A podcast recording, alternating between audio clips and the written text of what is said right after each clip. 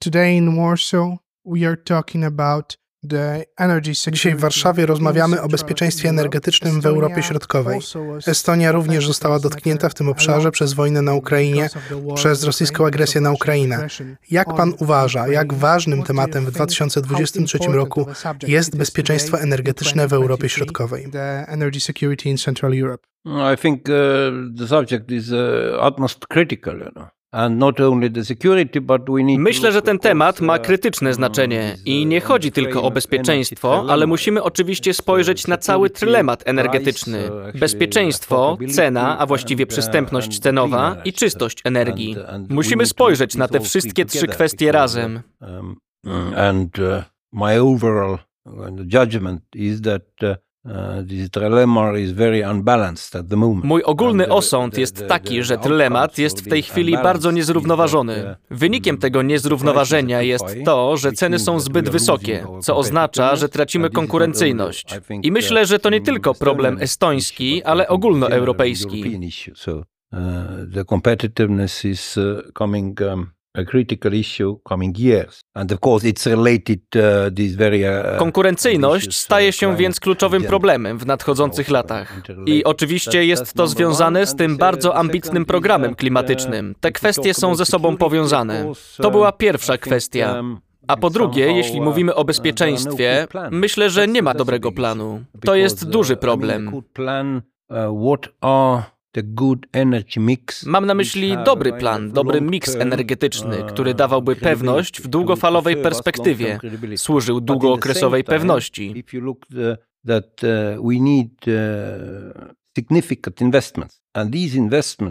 Ale jednocześnie, jeśli na to spojrzymy, potrzebujemy znacznych inwestycji, a te inwestycje powinny być dokonane właściwie, ponieważ muszą służyć wszystkim naszym gospodarkom, naszemu życiu w następnych 30-50 latach. W związku z tym uważam, że mamy teraz krytyczny moment, ponieważ wiele starych źródeł energii jest na tyle stare, że w zasadzie nie pasuje do współczesnych czasów. Służyły przez 40 czy 50 lat. Potrzebujemy więc bardzo znacznych inwestycji w tym zakresie. Modern times, so they have served 40, 50 years, so we need very significant investments on this framework. A ceny są wysokie. Program klimatyczny jest bardzo ambitny, a bezpieczeństwo energetyczne jest sprawą pilną i nie ma na to planu.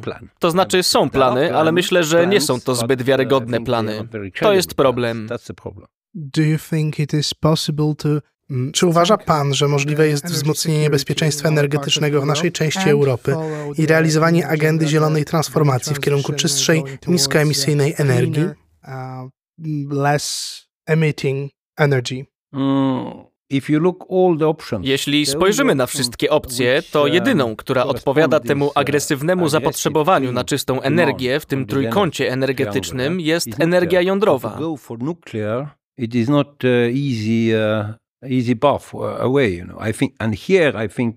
Ale przejście na energię nuklearną to niełatwa droga. Więc myślę, że jeżeli jest to opcja, potrzebujemy ogromnej współpracy na szczeblu europejskim, regionalnym i potrzebujemy do tego narzędzi finansowych, potrzebujemy ekspertyzy. Financial tools for that, we need bring expertise. Uh, Musimy spojrzeć z innowacyjnej perspektywy, ponieważ energia jądrowa jest od wielu lat nieco przykryta. Nie jest zbyt popularna w niektórych regionach, na niektórych obszarach. A w naszym przypadku, mam na myśli Estonię i inne uh, kraje bałtyckie, to nie mamy żadnego doświadczenia z energią uh, nuklearną.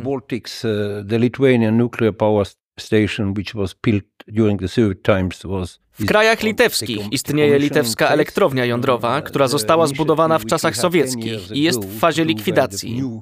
Inicjatywa, którą podjęliśmy 10 lat temu na rzecz nowej wspólnej elektrowni jądrowej, nie powiodła się. Więc nie jest to łatwe rozwiązanie, ale jest to jedyna opcja. Chyba, że, i nie wykluczam tego w nadchodzących latach, będziemy ponownie szukać wykorzystania dla paliw kopalnych.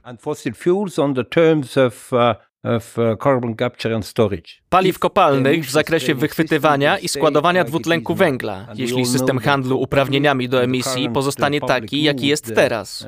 Wszyscy wiemy, że prawdopodobnie przy obecnych nastrojach społecznych uprawnienia emisyjne staną się droższe. Już są drogie. Nie widzę więc realnego rozwiązania w zbytnim poleganiu na wietrze i słońcu. Mogę o tym rozmawiać, ale nie są one solidnymi źródłami. To jest problem. Estonian energy situation is a bit uh, Sytuacja energetyczna Estonii jest nieco szczególna. Macie własne źródło energii, ale jak wygląda teraz sytuacja w Estonii? Jak bardzo wzrosły ceny i w jakim stopniu dotknęła Estonią wojna Rosji z Ukrainą w zakresie bezpieczeństwa energetycznego? Uh, uh, Szczerze mówiąc, nie bezpośrednio, uh, ale odczuliśmy pośrednio skutki związane z tą rosyjską inwazją na Ukrainę, ponieważ mamy wspólny rynek energii elektrycznej, co oznacza, że w zasadzie nie możemy patrzeć na elektryczność z naszego punktu widzenia i to jest najważniejsza kwestia. Musimy patrzeć razem na kraje bałtyckie i częściowo skandynawskie, ponieważ mamy wiele wzajemnych powiązań. Tak więc w zasadzie rynek jest tam, a ponieważ nasi sąsiedzi potrzebują potrzebują dużo gazu do produkcji energii elektrycznej, to oczywiście ceny będą się harmonizować i dlatego ceny podskakują. Jeśli weźmiemy pod uwagę tylko Estonię, oczywiście mamy te łupki bitumiczne, które służyły nam przez prawie 100 lat. Oczywiście jest to paliwo kopalne. Były wysoce niezawodnym źródłem energii przez wiele, wiele lat, ale ich konkurencyjność stoi pod znakiem zapytania, ponieważ następują gwałtowne zmiany w systemie handlu emisjami i ponieważ ceny emisji są tak wysokie więc cena pozyskiwanej z nich energii również wzrosła. Ale ogólnie wracając do tego, co powiedziałem, jednym z kluczowych celów energetycznych powinna być konkurencyjność i cena. Cena jest obecnie trzykrotnością tego, co było 4 lata temu. I to duży problem, nie tylko dla gospodarstw domowych, ale przede wszystkim dla przemysłu, dla gospodarek. I nawet nie w tym konkretnym momencie, ale zwłaszcza jeśli patrzymy w przyszłość. Jak przyciągnąć nowe inwestycje? Więc jeśli nie będzie długoterminowej, niezawodnej wizji dla energii elektrycznej, nikt nie będzie inwestował. To jest swego rodzaju zagadka, z której musimy jakoś znaleźć dobre wyjście.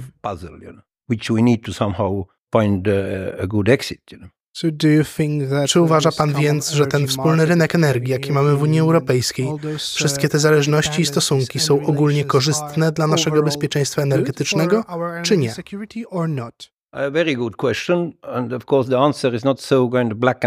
Bardzo dobre pytanie. Oczywiście odpowiedź nie jest tak czarno-biała.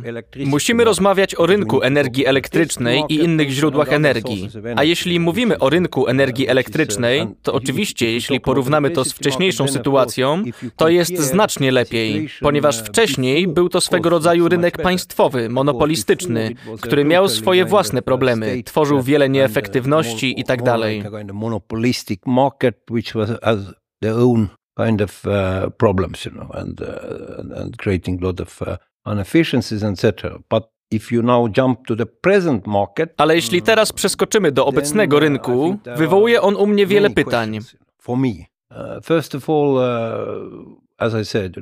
Przede wszystkim, jak powiedziałem, obecny układ rynku, taki jaki jest teraz, powstał dwie czy trzy dekady temu i przyświecała mu idea istniejącej nadwyżki produkcji energii elektrycznej. Ale teraz, kiedy prawie wchodzimy w deficyt produkcji energii elektrycznej, to ten rynek, te zasady i regulacje, instytucje, moim zdaniem nie są odpowiednie do zakładanych celów. Po pierwsze, istnieje pewna zmienność. Po drugie, nikt nie inwestuje bez interwencji rządu, subsydiów czy gwarancji lub konkretnych umów, umowy CVC. A to oznacza, że to nie jest rynek. Dlatego też myślę, że należy bardzo krytycznie spojrzeć na ten rynek jak go przemodelować.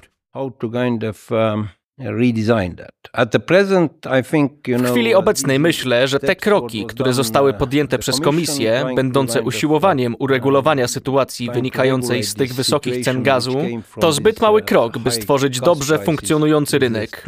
Wciąż jest ogromna interwencja państwa, a jeśli mamy te potężne interwencje, to wiele zależy od decyzji politycznych, więc trudno to nazwać rynkiem. A do tego mamy deficyt produkcji energii elektrycznej. Talk about this kind of market, you know, and we have a deficit of the energy electricity production. Ale czy nie sądzi pan, że tak ważne obszary gospodarki jak energetyka powinny być pod kontrolą państw, powinny być nie tylko subsydiowane, ale nawet w posiadaniu państw?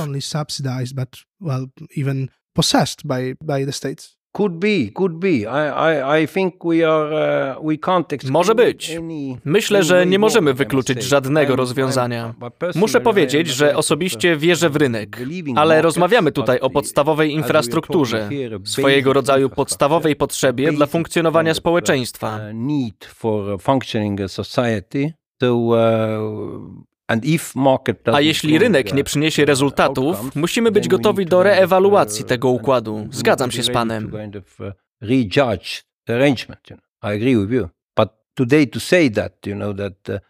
Ale dzisiaj jest prawdopodobnie za wcześnie, żeby powiedzieć, czy to spojrzenie na produkcję energii elektrycznej jako usługę infrastrukturalną, którą należy zagwarantować, może być alternatywą. Uh, Oczywiście nie widzę w europejskich debatach woli w tym kierunku. Nadal mówimy o liberalizacji tego rynku. Może gdzieś ona działa. Nie znam sytuacji we wszystkich krajach europejskich, ale w krajach bałtyckich coraz bardziej w to wątpię.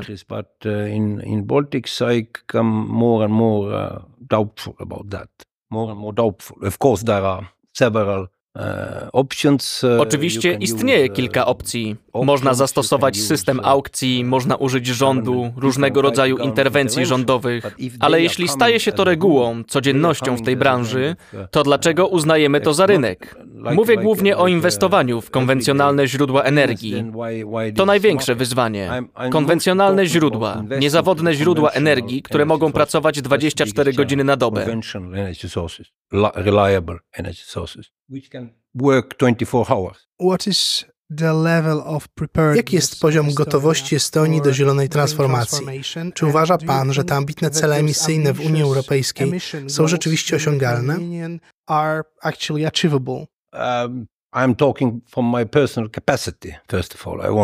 Chciałbym podkreślić, że mówię ze swojej własnej perspektywy. Możliwe, że rząd uważa inaczej. Regarding these uh, ambitious goals,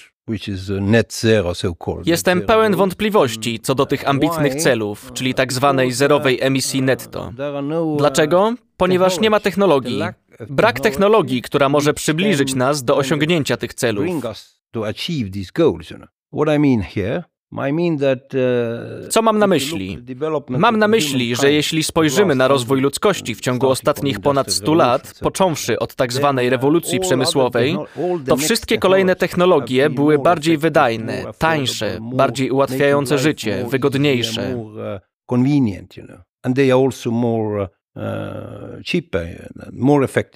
But if we now coming to these um, ale jeśli przejdziemy teraz do tych kluczowych części agendy klimatycznej, energii elektrycznej, transportu, to tak nie jest. Po prostu tak nie jest.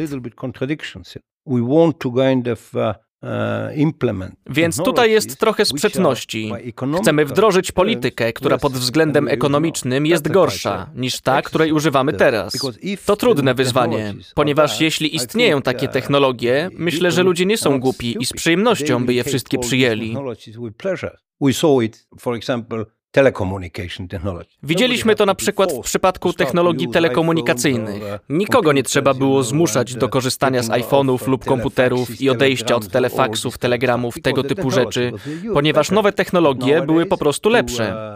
Ale w dzisiejszych czasach, aby przejść do produkcji energii elektrycznej z paliw kopalnych na wiatr i energię słoneczną, potrzebujemy wszelkiego rodzaju zachęt. Podobnie, aby przejść od samochodów z silnikami spalinowymi do pojazdów elektrycznych, potrzebujemy różnych dotacji. Proszę o tym pomyśleć. Musimy zapłacić ludziom, żeby brali te samochody. Dlaczego? Jeśli samochód jest lepszy, jeśli jest bardziej wydajny i jeśli jest tańszy, wygodniejszy, to w czym jest problem? Uh, more convenient. What's the problem? Actually, they're not. You know. That's a problem. W rzeczywistości takie nie są i to jest problem. Dlatego myślę, że tego rodzaju program klimatyczny zerowej emisji netto, uwzględniając obecną technologię, jest nierealny, łagodnie mówiąc. Może nawet utopijny. Maybe utopistic. Jesteśmy tutaj na konferencji Bezpieczeństwo Energetyczne Europy Środkowo-Wschodniej w Warszawie. Z jakim przesłaniem Pan tu przyjechał? Jakim doświadczeniem chce się Pan tutaj podzielić z innymi panelistami, prelegentami, uczestnikami? Z tym, co już panu mówiłem, ale powtórzę jeszcze raz. Mówiąc bardziej dyplomatycznie, musimy lepiej zrównoważyć ten trylemat energetyczny. To właśnie musimy zrobić.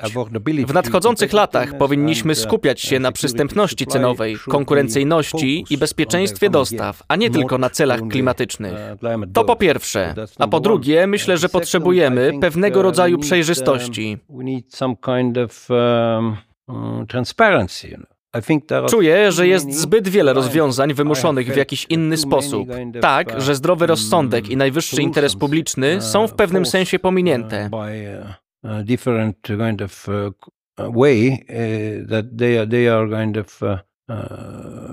The common sense and the, the utmost public interest are kind of uh, left aside. So Musimy więc przywrócić zdrowy rozsądek. Istnieją prawa fizyki, prawa dynamiki, prawa inżynieryjne, prawa ekonomiczne. Nie możemy tego zmieniać prawem stanowionym przez człowieka. Thank you very much. Thank you.